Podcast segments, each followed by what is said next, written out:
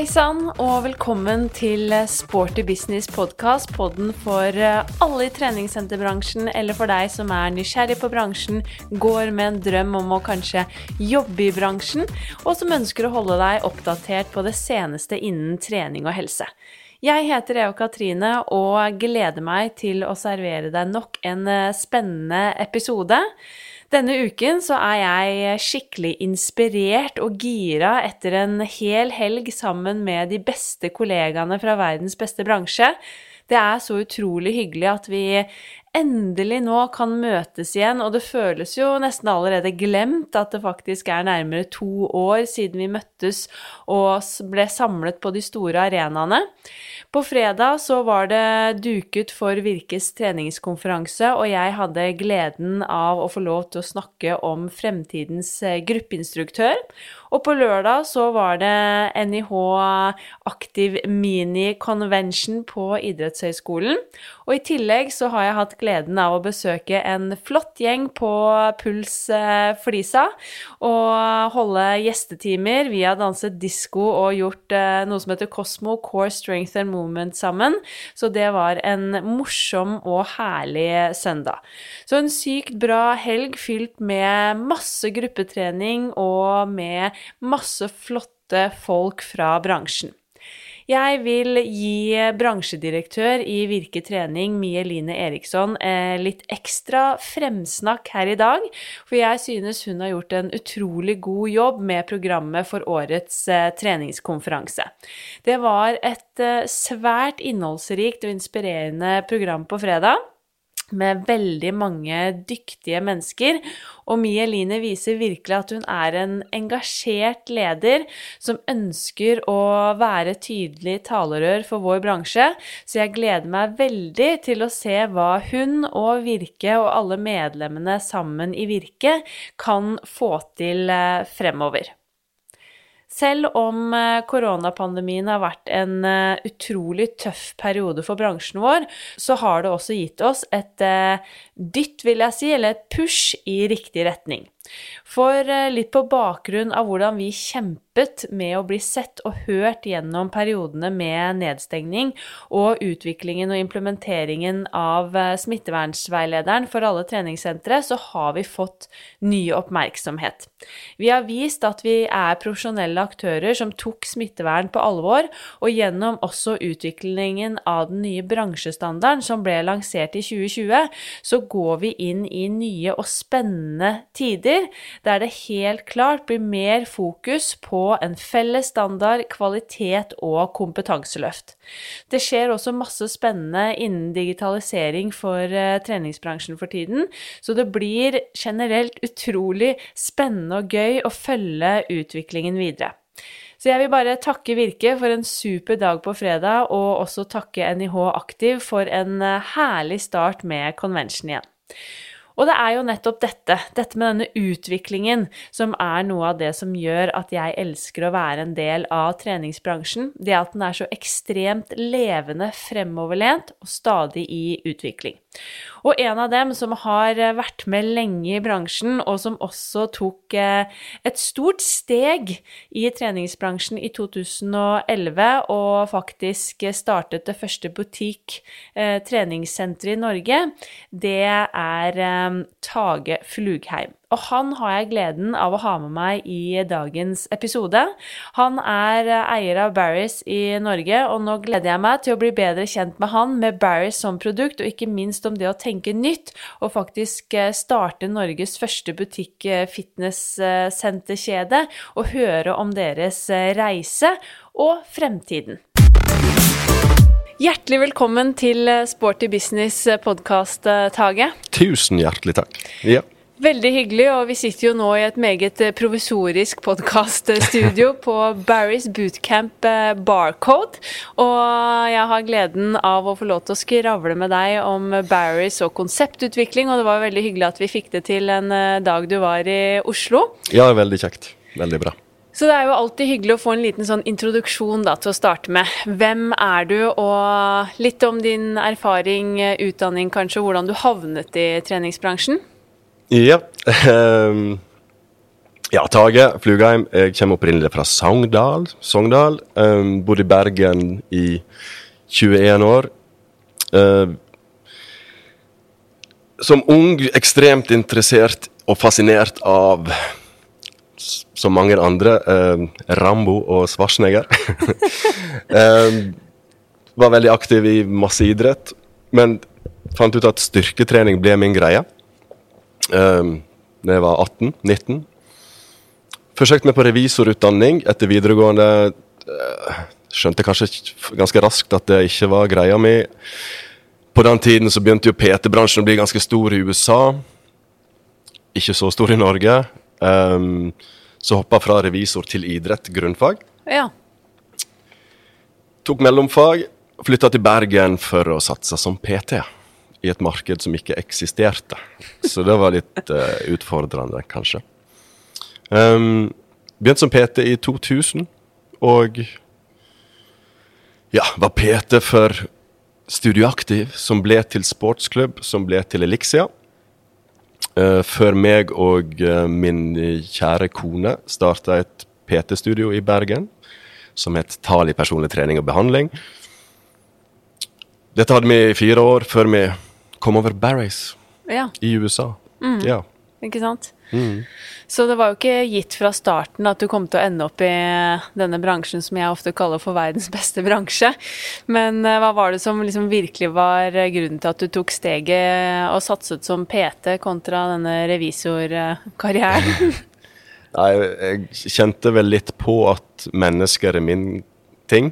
Eh, kanskje ikke kontoret var så attraktivt.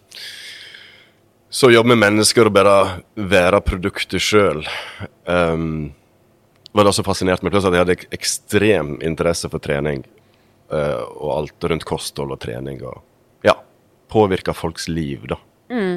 På den måten. Ja. Hvordan ser hverdagen din ut i treningsbransjen i dag? Altså, det- Utviklingen har jo vært ganske voldsom over de siste 20 årene.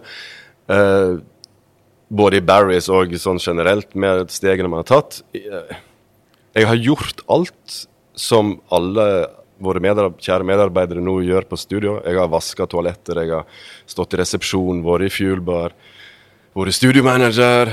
Um, jeg elsker å ha timer sjøl, men har innsett at det ikke fungerer mer. Så i dag så er jeg en ja, Det er jeg som har hovedansvaret for nye studio, for vedlikehold av studio. Og jeg er ekstremt involvert i alt ja, på det organisatoriske planet. Da. Så fra konsept til at en fuelbar fungerer, er man involvert i. Så har man blitt bedre de siste årene, kanskje, altså jeg tenker før covid òg, til å ikke nødvendigvis være involvert i absolutt alle ledd, men at det har blitt litt tydeligere struktur i studio. Altså Vi har jo hatt en vekstprosess som har krevd at man må utvikle seg og, Ja, og absolutt. klare å slippe opp på noen områder og bli enda tydeligere på andre områder. Mm. Ja. Ja, det er jo sånn som uh, gründere, når man starter noe eget, så gjør man jo absolutt alt. Og etter hvert så må man begynne å klare å delegere oppgaver, og som du sier, når det utvikler seg, så er man jo nødt til å få inn flere.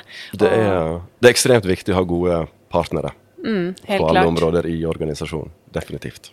Og det er jo Barry's bootcamp vi skal eh, snakke spesielt om i dag. Og eh, jeg, jeg har jo selv trent på Barry's bootcamp mange ganger og har jo fulgt med dere i alle år, men før denne podkasten nå, da, så måtte jeg jo gjøre litt research.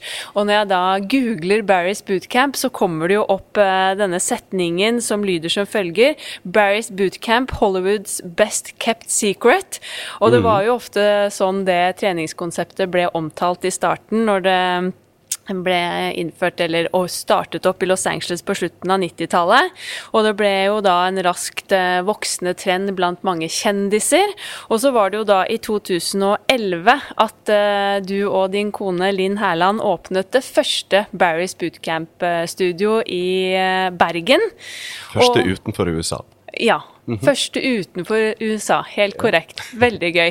Ja. Og nå har dere jo faktisk eh, fem studioer i Norge, og denne høsten så fyller dere tiårsjubileum, så det må jeg også gratulere med. Takk, takk. Det er stort. Absolutt, men kan ikke du fortelle litt mer om hva Barry's Bootcamp egentlig er, og ikke minst hvordan dere oppdaget konseptet?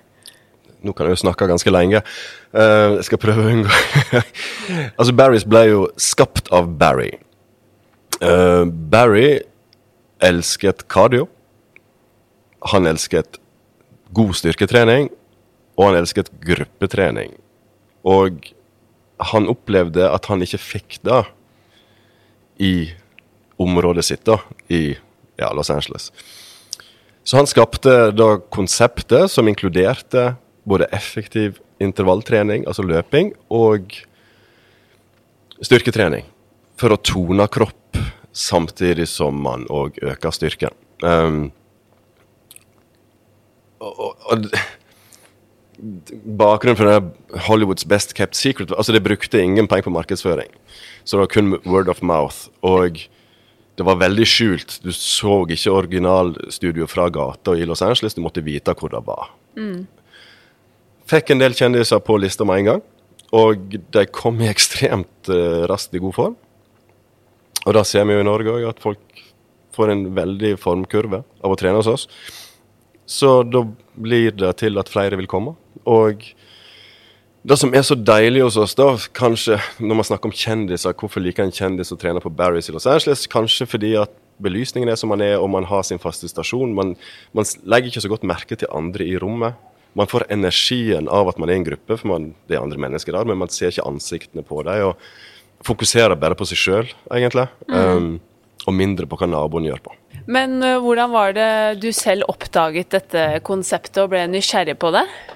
Vi oppdaget Barry's via Vi hadde hørt om det via diverse ting vi hadde sett på TV-en. Entourage, som er min favorittserie på TV deriblant.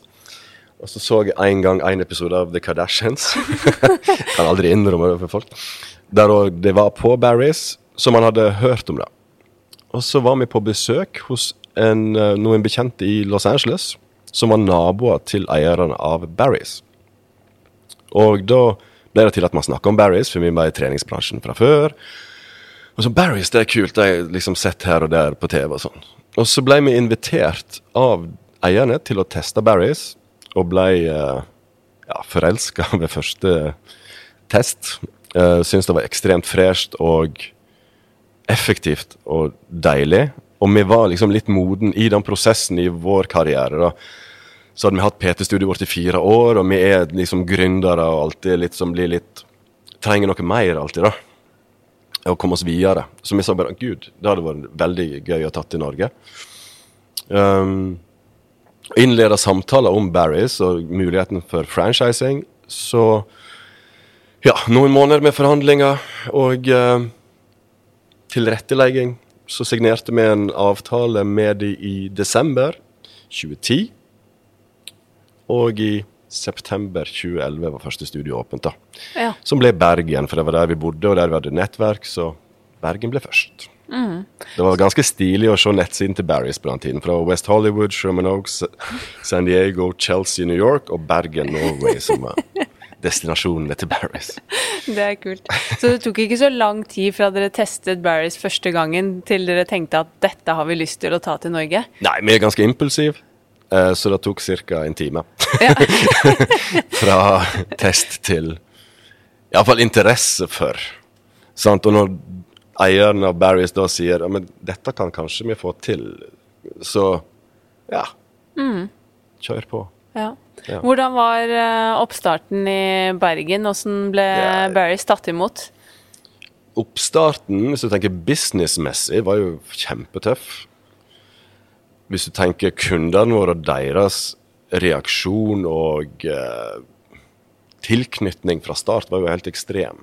Ja. Så da vi sleit med Bergen, er jo Vi var første butikkjede i Norge. Barry's var første butikkjede i verden. Um, men vi var første som tok typ, da, klippekort Ja, betalingsmåten ved klippekort. da. Ja. På den tiden så var det Sats og Elixia. Uh, CrossFit var akkurat begynt å komme. Um, og så var det noen billigkjeder på gang. Sant? Så det å betale da 120 kroner per økt for en, en, gruppetrening krevde litt Det var litt sånn da jeg begynte som PT i 2000. hvor, hvorfor skal jeg betale deg 500 kroner i timen når jeg kan trene sjøl? Så hvordan klare å få en befolkning til å innse at det er verdt pengene, på en måte. Så, og da må man jo teste. Så det handler om å få folk inn i rommet.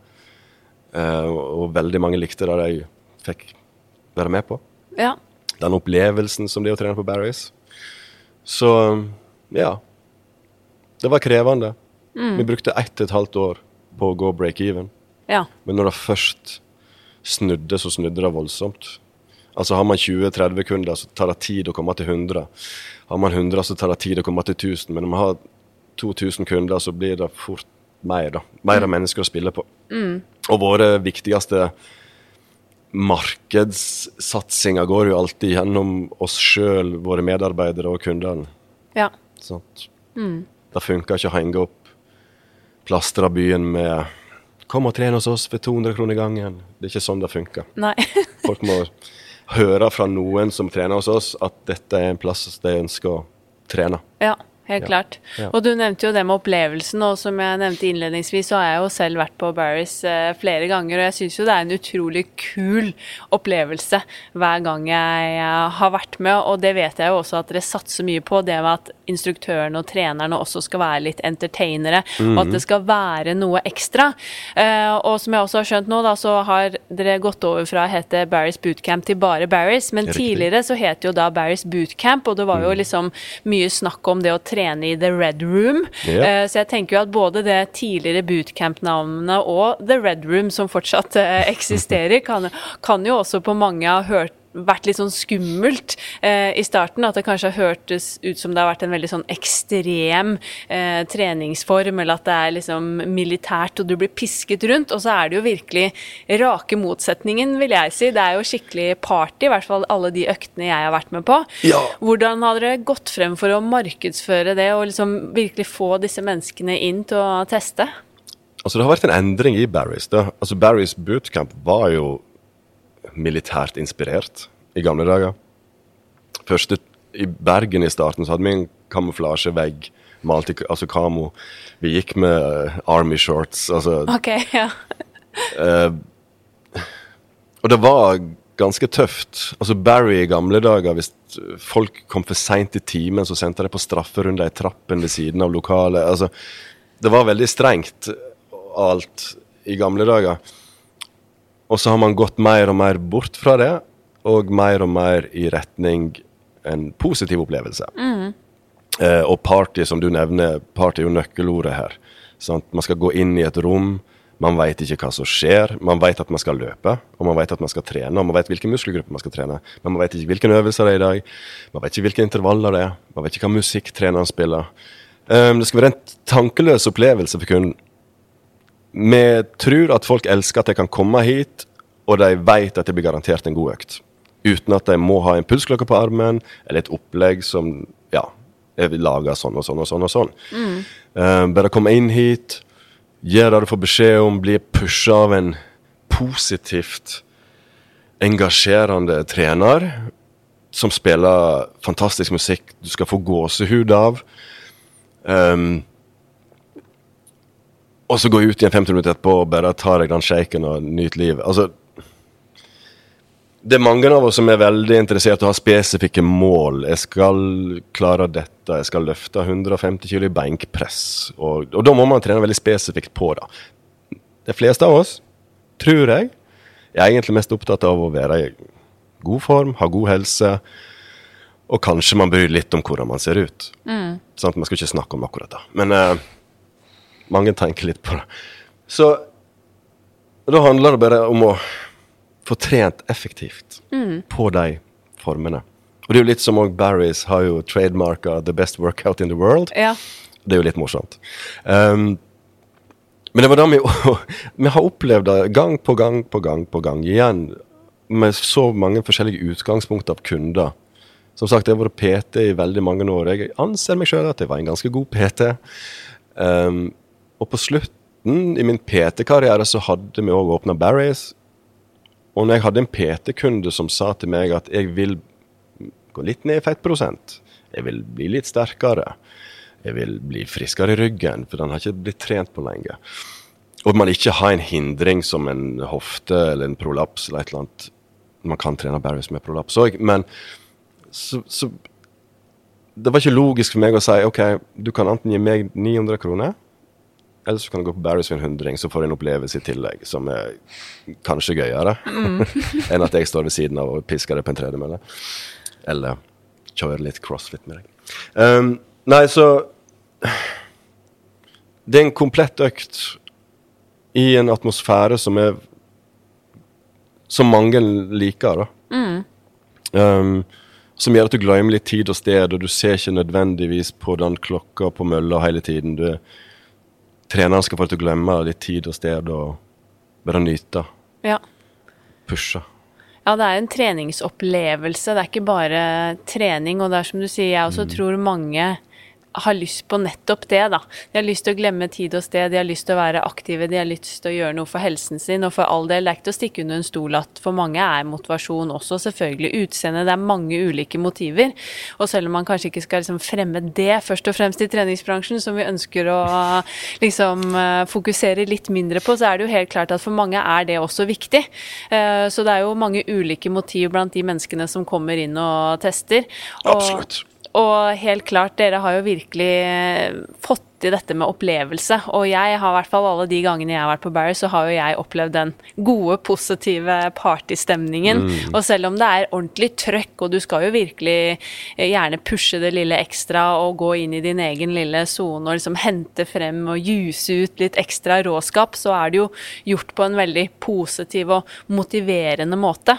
Og Det er veldig viktig for oss. sant? Ingen som kommer hit og blir kjeftet på, eller, eller den der Come on. Altså, det skal være en råskap, eh, og det skal være en sånn ikke, Ordet sexy ikke riktig, men en litt sånn snert, da. En mm. positivitet, en litt gøyhet der. sant?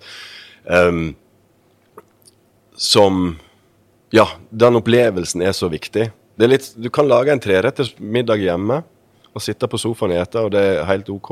Mm. Eller så kan man gå på en fin restaurant og få en opplevelse ved siden av. Det er liksom ja. Det er trening i en deilig atmosfære sammen med herlige folk. Helt klart. Ja. Og du nevnte jo det at det ofte omtales som the best workout in the world, og det er jo en ganske bold eh, eh, setning og beskrivelse av eget eh, konsept. Hva er grunnlaget bak liksom, den påstanden? Nei, det er jo det at det anses som en ganske komplett økt. Altså Hvis man ikke har ekstremt spesifikke mål. Altså skal man Er man triatlet og skal stille et løp om to måneder, så går ikke man på Barry's hver dag. Men vi har hatt veldig mange triatleter som trener hos oss og merker framgang. Mm. For de får en variasjon. Uh, og skal man, ja, Er benken på 150 det viktigste for deg, så er ikke kanskje Barry's der du skal basere treningen din på. Men det at man får perfekt intervalltrening som sjokkerer hode og kropp. Og at man får dratt på med kvalitativ styrketrening. Sant? For styrketrening hos oss er ikke høy puls. Altså det er ikke en, som en sirkeltrening i 50 minutter. Puls og syre går hånd i hånd. Um, på mølla har vi høy puls innimellom på pikene. Og på gulvet så skal man fokusere på den muskulaturen man trener. Sant? Og forsøke å roe ned hjertet litt, sånn at man at ikke det bare blir en saus av syre hele økten. da. Mm. Um, så burpees gjør man ikke på gulvet her. Eller håper ikke de opplevde altfor mange burpees Nei. på gulvet. uh, men uh, det er en solid styrkeøkt sammen med en solid intervalløkt på mølle, og løping er jo Jeg skal ikke påstå dette her, man skal være forsiktig med det i dagens treningsbransje, men jeg mener iallfall at løping er en veldig god kondisjonstreningsform. Mm. Um, og når man da har Woodway-møller under beina, så blir det kanskje ekstra bra. Så um, ja. Mm. Derfor mener vi at vi kan stå inne for det begrepet. Ja, ikke sant. Um, Treningskjøkkenet deres er jo også delt opp med tanke på muskelgrupper ofte, men du kan jo også komme og trene helkropp. Men eh, jeg var selv bl.a. f.eks. inne på en økt som det da var eh, altså overkropp. Hva heter den økta? Var det mandag eller onsdag? Onsdag? Ja, det kan være. Chest back and Å oh, nei, nå er jeg ute å kjøre. det, men det var den med arms. Å oh, ja, mandag. Arms nabs. Arms and abs har jeg Ja. vært med på. Ja. Og da er det jo veldig mange repetisjoner på Mm. både biceps og triceps, og jeg må innrømme at jeg virkelig kjente på liksom Det var litt sånn Da følte jeg at det var litt sånn syretrening. Ja, altså det er, litt, det er jo et fascinerende tema, holdt jeg på å si. Sant? For klassisk, vi har jo alle lest dette. Sant? Skal man bli sterkere, så ligger man på én til fire-fem reps og trener med lange pauser. Og skal man ha volum, så ligger vi mellom 6 og 15 reps. Og Det har liksom vært fasit lenge, og det er jo fortsatt fasit i boken. Men det viser seg jo at hvis du klarer å presse kroppen ytterligere og få det metabolske stresset i kroppen som man gjerne får hos oss, så vil jeg påstå at man får ekstremt gode resultat. Ikke på maksstyrke, men på en, få en ut, utholdende sterk kropp. På å ligge og pumpe 20-25 repetisjoner. Ja. Og det er jo relativt korte pauser. Altså, det er Ja. Mm, Men klart. som sagt, økten er ikke lagt opp spesifikt for en kroppsbygger eller en styrkeløfter. Nei. Um, og det er det jeg syns alltid har vært litt trist, da. Jeg skal være litt forsiktig nå. Nei, altså trening Hvordan skal man motivere seks-sju millioner mennesker til å trene? Er det med å trene mest mulig spesifikt og optimalt, eller er det å skape en opplevelse som folk syns er gøy og motiverende? Da er treningseffekten kanskje 95 Ja. mot å gjøre det perfekt. Um, jeg heller kanskje mot at motivasjon er viktig oppi det hele her. Og gruppetrening har jo alltid vært en gøy ting, om det er spinning eller om det er bodypump eller hva det er, så er det en god ting å være sammen med andre mennesker. Og hos oss så får man anledning til å få en gruppetreningsfeeling da, og energi, samtidig som økten er ekstremt bra. Sånn Så vi nærmer oss på en måte maks utbytte på alle områder. Og da, det virker som folk liker, Ja. rett og slett. Ja, jeg har veldig tro på det med opplevelse. Og så er det jo heller opp til oss som jobber i denne bransjen, eller som driver ulike da, treningskonsept eller studier, å bare være tydelig uh, overfor de menneskene eller de kundene vi har, om hva de får. Sånn at man ikke lover gull og grønne skoger, men at man er bare tydelig på hva man leverer. Og det er som du sier, alt handler jo om mål. Og det er også sånn som jeg kan eh, bli litt sånn, eller veldig engasjert i sånne utsagn som at f.eks. den ene treningsformen er bedre enn den andre eller dårligere. For alt handler jo igjennom hva ønsker du å holde på med, og hva er målet ditt? Og jeg tenker, som du nevner, da, målet må jo være å få flest mulig aktivitet, og få mennesker til å ha glede av å trene og være i aktivitet. Definitivt. Og vi har veldig mange PT-er, igjen, ikke noe kritikk til noen her, men det er veldig ofte at man er veldig bastant i det man driver med sjøl. Og det er jo litt trist. Det Ja. Det går an å like flere ting. Absolutt. Og det er jo det vi ser med vårt konsept. Sant? I begynnelsen så var det litt uvant. Altså, Gikk man på crossfit, så var crossfit kirken. Um, og alt annet var meningsløst, på en måte. Var man en syklist og gikk på spinning, så var det det som betydde noe, og kanskje litt styrketrening ved siden av. Men vi ser jo at det vil være bra for både bransjen og for kundene at man mikser det opp litt. Gå på Barris en gang i veka, gå på yoga en gang i veka, gå på en Ta deg en egen treningsstyrke, løp en runde rundt Sognsvann. Altså, miks det opp og gjør det interessant og Ja. For da, da 95 av oss, da, eller 99, som ikke har et spesifikt mål som er ekstremt. Ja. Ja. Helt klart. Jeg tror variasjon er veldig viktig, og ikke minst for folks motivasjon å ha litt variasjon i treningshverdagen. Men når vi er inne på dette med treningskonseptet til Barris, da, disse øktene, så vet jeg jo også at eh, instruktørene som jobber her, de skal lage ulike økter for hver økt de underviser, hvis jeg har skjønt det riktig. Veldig riktig. Eh, hva er begrunnelsen for det? Nei, det er veldig mange grunner. Eller det er flere grunner til det. Vi um, ønsker at kunden ikke skal være forberedt på hva som skjer. Sant? Hvis du vet at du skal ha fire ganger fire intervaller, så vet du at du har fire ganger fire. Du vet at du har tatt to, og to igjen. Påvirker psyken din. Eh, på da, så vi vil at det skal være en overraskelse hva som skjer. Sånn at kunden, når han ligger og tar brystpress på benken, så vil jeg at fokuset skal være på brystpress i dette minuttet her. Det er dette jeg driver med, nå skal jeg få maks ut av dette her. Hva skjer etterpå? Jeg har ikke tanke om det engang. Så det skal være sjokk for kroppen, som sannsynligvis gir oss bedre resultater. Variasjon, som du sier, er viktig for motivasjon. Og sjokk for hodet. Sant? Altså ikke sjokk for hodet, men at ikke man skal Motivasjon er en morsom ting. Det kan jobbe med oss og jobbe mot oss, alt etter hva dag vi har. Jeg kan bli gira av å kjøre diverse intervaller der jeg veit hva jeg skal gjøre, men av og til så funker ikke det så positivt. At man blir litt sånn ah, et fire løp igjen her. Sånt. Så det er jo hovedgrunnen. At det rett og slett overrasker folk, både mm. hode og kropp. Litt nye vinklinger hver gang på bicepstreningen. At ikke man tar de samme tre-fire bicepsøvelsene hver eneste uke, men at det skjer nye ting hele tiden. Det er vi ganske sikre på, ja. Mm. Ja. Nei, for jeg tenker det er jo litt sånn Jeg, jeg synes, kjøper alle argumentene og syns det er gode argument. Samtidig så tenker man jo ofte sånn at det er viktig for folk å gjøre de samme tingene, både med kontinuitet i treningen og mestringsfølelse.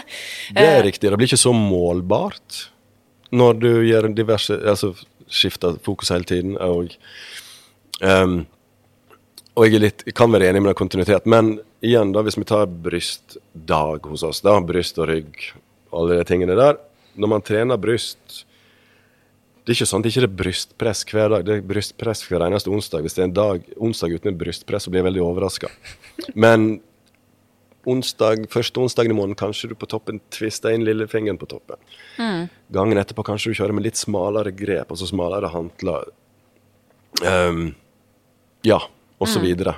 Og så har vi perioder, men vi har jo igjen litt opp til treneren, men i perioder så har vi jo hatt trenere som har tatt uh, typ Cooper-test på kundene sine. Første mandagen i måneden kjøper vi Cooper-test ja. på mølla. Tolv minutter. Løp så fort du kan. Og igjen så har man sett resultat. Vi har veldig mange kunder som er med på løp, altså 10 km og halvmaraton og sånne ting. Man får der selvsagt et god pekepinn på formutviklingen sin. Uh, men igjen, det er ikke hos oss man ser ekstremt tydelig på papiret at man har økt i benkpress. da. Altså, vi har ikke benkpress hos oss, men eh, ja. Mm. Jeg skjønner. Ja. ja. ja så, og du vet jo alltid at du skal løpe, og så skal du gjøre styrke. Og mm. det er jo som du sier små variasjoner på f.eks. da styrkeøvelsene. Og etter å ha gått på mange timer, så vil du også mestre og lære deg de ulike øvelsene. Og så vil du møte ulike varianter. Absolutt. Og da, man ser, da merker man som kunde, har man trent her i en måned, så i begynnelsen kanskje man har 15 pund i hver hånd på en armdag, altså mandag. Og etter en måned så økner man kanskje den til 20. Så mm. man ser jo veldig der, og man opplever det på mølla. Man får et tominuttsintervall da man tidligere var på 10 km i timen. Når man er på 13-14, så ja, man får jo hele tiden bevis på ja. at det går framover. Men det er, ikke, det er, ikke, skrevet på et papir, gjerne, og det er ikke lagt inn i en voldsom plan. Nei, nei. Ja. Hva slags eh, mennesker er det dere ser etter når dere ansetter instruktører, da? Eller hva slags mennesker er trenerne som uh, jobber her i dag? Fantastiske mennesker. Nei, uh, vi ønsker Altså, vi ønsker folk som kjenner til konseptet og elsker konseptet. Det er ekstremt viktig for oss at de som jobber for oss, er Barris. Um, at ikke det bare er en jobb, og at ikke det bare er trening. Mm. Sånn vi ønsker gjerne at trenerne våre har trent masse hos oss tidligere. For da kjenner de konseptet og veit hvordan det er å være kunde på trening hos oss. Veldig viktig for å lage de perfekte øktene og si de perfekte tingene på timene. Um, det er lettere for oss å ta en dykt, en dyktig oh, OK, ny trener hos oss. To utgangspunkt. En profesjonell PT som har vært PT i 15 år, aldri prøvd Barry's før. Andre varianten er en som har vært kunde hos oss i fem år, elsker trening. Det er lettere å få han siste til å bli en god instruktør hos oss. Ja, skjønner. Um, med selvsagt opplæring av oss, og med en grunnkompetanse innen anatomi og fysiologi osv. Um, menneskene betyr mer enn utgangspunkt av kunnskap og kompetanse. da. Mm. Um, for, for, det er formidlingen og det å bli kjent med kunder. Altså Vi kaller oss Barry's Family, og det, det er ikke bare noe vi sier og det står på trykk. liksom. Det er ekstremt viktig for oss i alle sammenhenger at kundene som kommer inn til oss, kjenner en varme og en interesse. Da, en Resepsjonisten og trenerne bryr seg om folk. Og det, mm. ja, det er viktig. Absolutt. Og det er noe vi jobber kontinuerlig med hele tiden. Altså, produktet vårt er menneskene vi har hos oss. Ja, og i hvert fall utad så føler jeg at dere har lykkes veldig godt, godt med det. For jeg Takk. føler at det er det inntrykket jeg også har, at de som jobber her er veldig engasjert. Ja. Og de lever virkelig i Barrys-ånden. Eh, og deler det med andre rundt seg, og selvfølgelig også i sosiale medier. Så, men hva er nøkkelen og suksessen bak å liksom skape den der gode samholdet? Hva gjør dere for å bygge liksom det gode miljøet blant de ansatte? Veldig komplekst spørsmål. um, nei, det handler vel om gjensidig respekt i alle nivåer, snakke hverandre opp osv. Og ikke snakke Å snakke med istedenfor å snakke om. Um, mange prinsipper da som er veldig viktige. Og vi jobber med, som sagt, kontinuerlig. Det er ekstremt fokus på miljø hos oss. Både innad i medarbeidere, men òg mellom nivåene fra såkalt ledelse og ned til alle. Og nå sier jeg ned til, men det er ikke ned til hos oss, det er bort, eller kanskje opp til treneren. Superstjernene våre. Nei, det, det er viktig eh, Det er et ekstremt fokus på miljø og kultur, og det gjenspeiler absolutt alle som jobber. Det er ingen som jobber hos oss over tid som er for, for, too cool for school, for å si det. Altså, ja. Vi har gode kjerneverdier, vi som starta dette. Nå snakker jeg opp meg sjøl.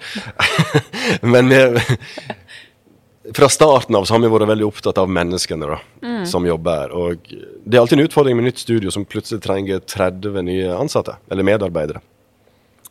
Å finne alle, at alle er perfekt. Men eh, sånn som det virker, så fotfestet vi har fått, og folk som søker hos oss, de skjønner hva vi er ute etter. Så det går litt mer av seg sjøl etter hvert. Ja, Men det er jo alltid en utfordring å finne trenere i Norge der um, det er mange kje- treningskjeder som har låst sine trenere til et merke og et studio. Um, det er jo ganske trist for trenerne, tenker jeg. Ja, helt klart. Ja, det er jo en egen diskusjon, men det at man skal ha monopol på instruktører og trenere, er jeg helt enig i. Det syns jeg også er veldig synd, for det ødelegger muligheten for mange til å kunne jobbe med dette mer som et fulltidsyrke. Og jeg tror jo igjen, hadde man kunnet jobbe med det fulltid for mange, så hadde du igjen kunnet heve profesjonaliteten. Og man kunne også stille mer krav. Så Ja. det er jo virkelig et ønske jeg har for eh, fremtiden. Jeg ser heller ikke helt poenget med å låse. Altså, for oss, om man er trener her og kjører timer på crossfit og har yogatime eller spinning på sats, flott. Det å finne gode, engasjerte, dyktige trenere som elsker folk, er ikke lett. Nei. Men det hadde vært lettere hvis man hadde sett samme marked som man ser i London og New Ja, York, ja. Da, på profesjonelle trenere. Virkelig. Jeg ser ikke helt risikoen. Nei, jeg er helt enig, og så tenker jeg det er utrolig positivt for de instruktørene det gjelder også, at de har muligheten til å jobbe ulike steder, for det lærer man enormt mye av, og det bidrar til egens utvikling. Og man må jo også stole på sine ansatte, at de også da er lojale mot det stedet de da er og holder time på, f.eks. Og ja, i mine øyne er det egentlig bare vinn-vinn for alle parter. Ja, altså det Jeg har levd Jeg begynner å bli gammel, holdt jeg på å si. Og jeg, man har jo hatt sine forhold med eh, jenter. Eh, og det funker vel dårlig å låse folk fast. Men, så altså Skal man funke som arbeidstaker, så er det ja, viktig å kjenne på en frihet og at man har satt pris på en plass. Og Derfor velger jeg å være lojal til denne arbeidsplassen. Sant? Så ja, nå er jeg ute og kjører på et Ja, men eh, veldig spennende tema. Jeg er utrolig enig. Ja. Men eh, når det gjelder Barry's, da, du har jo tatt et eh, amerikansk konsept til Norge og lykkes, og har jo startet liksom de første butikksentrene i Norge. I Norge. Har du noen gode tips eller tanker til andre som kanskje sitter litt sånn med en gründerspir i magen, eller som ønsker å kanskje starte sitt eh, eget eh, konsept? Hvordan eh, går man fram, eller hva gjør man? Hva er dine beste råd? Ja, oi, oi, nå kan vi snakke lenge. Um, det som er et problem i treningsbransjen i Norge, da, det er jo at det er race to the bottom når det gjelder pris. Sant? Så det, det er vanskelig å Ok, Skal man satse på treningsbransjen som karriere og gründe og starte opp, så må man vite og tenke, skjønne at det er ekstremt masse arbeidstimer og relativt liten profitt in the end. Tror vi kan si ganske sikkert. Det kan jeg skrive under på. ja, sant. Der eh, er vi sjøl. Og det, ja, pris, det pushes priser alltid. De store kjedene går jo foran og kjører gratis trening i tre måneder hvis du vil binde deg i et år nå. Så det, det er masse negative sirkler her når det gjelder prising og trening. Eh, som òg gå på da kundenes aksept på hva trening bør koste. Så det er en utfordring. Så man blir veldig sjelden rik på trening, kan man si. Så det er litt viktig å vite, men det er verdens beste jobb. Og det er ingenting så deiligere enn å jobbe i en positiv bransje der stort sett alle er utelukkende positive, så det er veldig givende. Mm. Men det koster ekstremt med tid, ekstremt med krefter, man må ha gode folk med seg. Kapital. Eh, ha gode investorer som er klare til å spytte inn litt. Vi har nettopp vært gjennom covid-år. Halvannet år. Um, tøffe tider. Og ja. det kan komme igjen, og det kan ja, alltid utfordrende tider. Mm. Så at man er litt rusta da, på sånne ting. Så økonomi er viktig. Som nevnt, man, dette er ikke en åtte til fire-jobb. Treningsbransjen lever best med, før ni om morgenen og etter klokka fire på ettermiddag. Så det er kveld, og det er mm. morgen, og det er helg. Ja. Og um, ja, De to eldste sønnene mine det, Jeg tror ikke jeg så det i oppveksten engang. jeg skal ikke le av det, for det er ganske trist. Men, men treningsbransjen funker ikke mellom ti og tre på samme måte. Så um, hardt arbeid. Og så må man ha et Det vi opplever, da, når man kommer med et nytt konsept inn som er ganske spissa, så får man, ganske, får man en del kritikk og del, ja, folk er kritiske, da. Egentlig mest de som er kritiske, har gjerne ikke testa oss engang. Og da er det lett for, hvis man ikke er sterk i sin tro og sterk i sitt uttrykk, å bli påvirka av disse tingene her, og så begynne å endre på ting, og til slutt ende opp som alle andre. Mm. Og da ser man gjerne at det blir likere og likere økter på alle studio. Det er samme grunnprinsipp på de fleste kjeder. og det er det er lite som differensierer oss, da. Ja, helt klart. Så jeg har jo veldig trua på butikkfitness framover. Det ser man jo i utlandet. Mm. Norge følger jo som regel rett etter. Um, så butikkfitness, mindre studio, blir en greie. Sats Kjedeligste som skjedde skjedd i norsk treningsbransje, er jo Sats Elixia-fusjonen. Uh, men uh, de kommer til å være store. Sånn ja. er det. Mm. Så vil vi ha en del billigkjeder og sånt, men butikk vil definitivt vokse. Mm. Og jeg tror folk blir bedre på Eller folk vil variere treningen mer, og man vil kanskje shoppe litt rundt. Ja. Det er som man går ut og spiser middag. Man går ikke på samme restaurant hver gang. Nei, ikke sant? Man varierer litt. Og det Ja. Helt klart. Vi nevnte jo innledningsvis at dere har jo nå fem Barries eh, i Norge. Men hvordan ser eh, fremtidsplanene ut videre nå, da? Fremtidsplanene for Barries Norway er veldig tydelige. Vi skal bli bedre på det vi er. Eh, vi jobber som sagt kontinuerlig med å bli bedre, både på at øktene er enda bedre, at opplevelsen er bedre. Ikke utenkelig at det dukker opp et nytt studio eller to innen nær framtid. Korona har nok eller satt en liten brems på sånne investeringsmuligheter, men det er ikke langt unna. Um, vi har klokketro på at vi er kommet for å bli, og folk vil like dette her framover òg. Det er mm. løping og det er styrketrening. Hva kan gå feil? og en rå opplevelse. Ja, sant. Det, og man blir aldri perfekt. Som instruktør eller som Helt konsept, klart. så har man alltid ting å jobbe med. Det kan alltid bli litt bedre. Absolutt. Så skal man gi seg et lite klapp på skulderen og belønne seg sjøl underveis. Men det er alltid godt å strebe etter å bli enda litt bedre. Ja, man skal huske det også. Ja, absolutt. Du nevnte jo litt dette i sted med at du har troa på mer butikk-fitness-sentre fremover i tiden. Men sånn litt avslutningsvis om treningsbransjen som helhet, har du noen tanker der selv om uh, noe vi virkelig liksom burde blitt bedre innen, eller uh, hvilke, ja, hvilke utviklingspotensialer vi har? Nei, altså Det er jo fascinerende å se over de siste 20 årene. da. Um, når jeg begynte som PT, så mener jeg at 5-10% var medlem på studio. I dag er det vel på 30 pluss.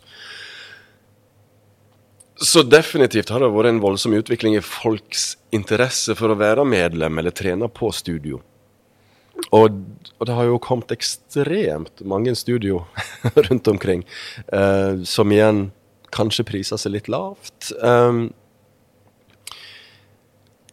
og vi jobba jo for 20 år siden med de samme tingene som snakkes om i dag. da, sant? Ok, folkehelseaktører.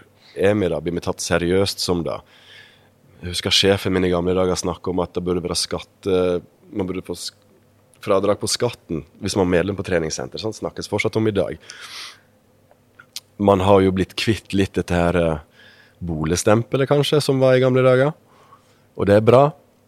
Og en måte å bli tatt litt mer seriøst på, men det må jo sterkere krefter til da for å komme helt i mål, tenker jeg. Mm. Um, jeg var engasjert, veldig engasjert i dette her for 10-15 år siden. På hva som skal til for at vi skal bli Men så ser man at man er jo ganske hjelpeløst egentlig i hele situasjonen. Dette er jo en politikersak og uh, på et annet nivå, da.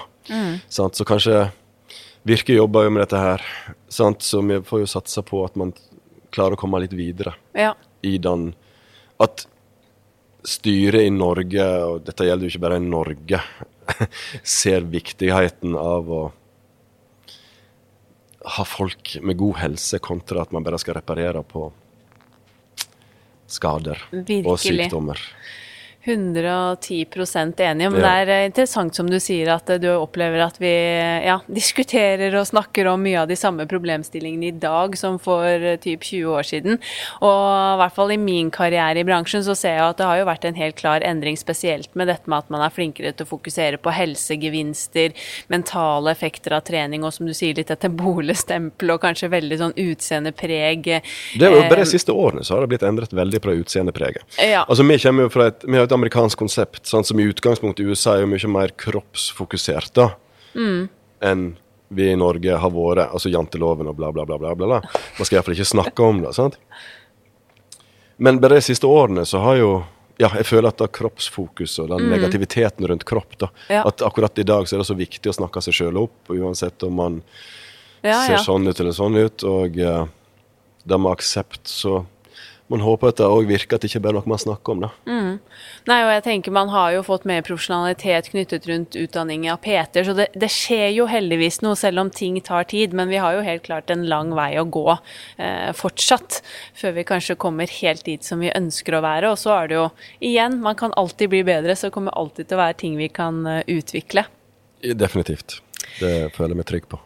Men helt til slutt da, så må jeg også spørre deg, som jeg spør alle andre som er innom podden. Har du noen eh, gode tips til noen dyktige bransjefolk eh, jeg kan intervjue, eller noen du selv kunne ønske å høre i Sporty business? Jeg tenker jo eh, litt uh, Pål Hauge fra Studio Jobbsprek. Mm. Kunne vært interessant. Fordi? Vi kommer fra samme plass.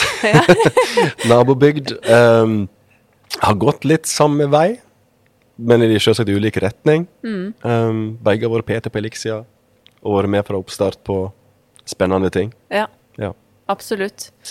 Veldig godt uh, tips. Det noteres ned. Ja. Det er jo så mange dyktige folk i bransjen, så det er uh, utrolig stas også å få lov til å reise rundt og skravle med dere alle. Ja, jeg elsker å snakke om dette her, da, så det passer meg veldig bra. ja, ikke sant? Men tusen hjertelig takk for en veldig fin eh, prat, og spennende å høre litt mer om Barris også. Og så gleder jeg meg jo til å se veien videre for Barris eh, i Norge, så jeg gleder meg til å følge med videre. Så tusen hjertelig takk for en superfin eh, bransjeprat. Tusen takk for at jeg fikk være med. Det var veldig kjekt. Ja. Tusen takk for at du lyttet til nok en episode av eh, Sporty business. Jeg håper du synes den var eh, inspirerende som alltid, og at det var gøy å bli bedre kjent med Barris. Og jeg kan absolutt anbefale å teste ut den treningsformen hvis du ikke allerede har gjort det. Jeg vil bare si også henda i været for alt det som skjer i eh, bransjen om dagen. Det er utrolig gøy å se. Send gjerne inn forslag på Instagram at sportybusinesspodkast om du har tips til mennesker jeg bør ta kontakt med og løfte frem her i podden. Og bli gjerne med i gruppen vår på Facebook. Vi podder selvfølgelig igjen om to uker. Ha en tipp topp og sporty uke. Denne podkasten produseres av Inspartum Akademi og North Stories.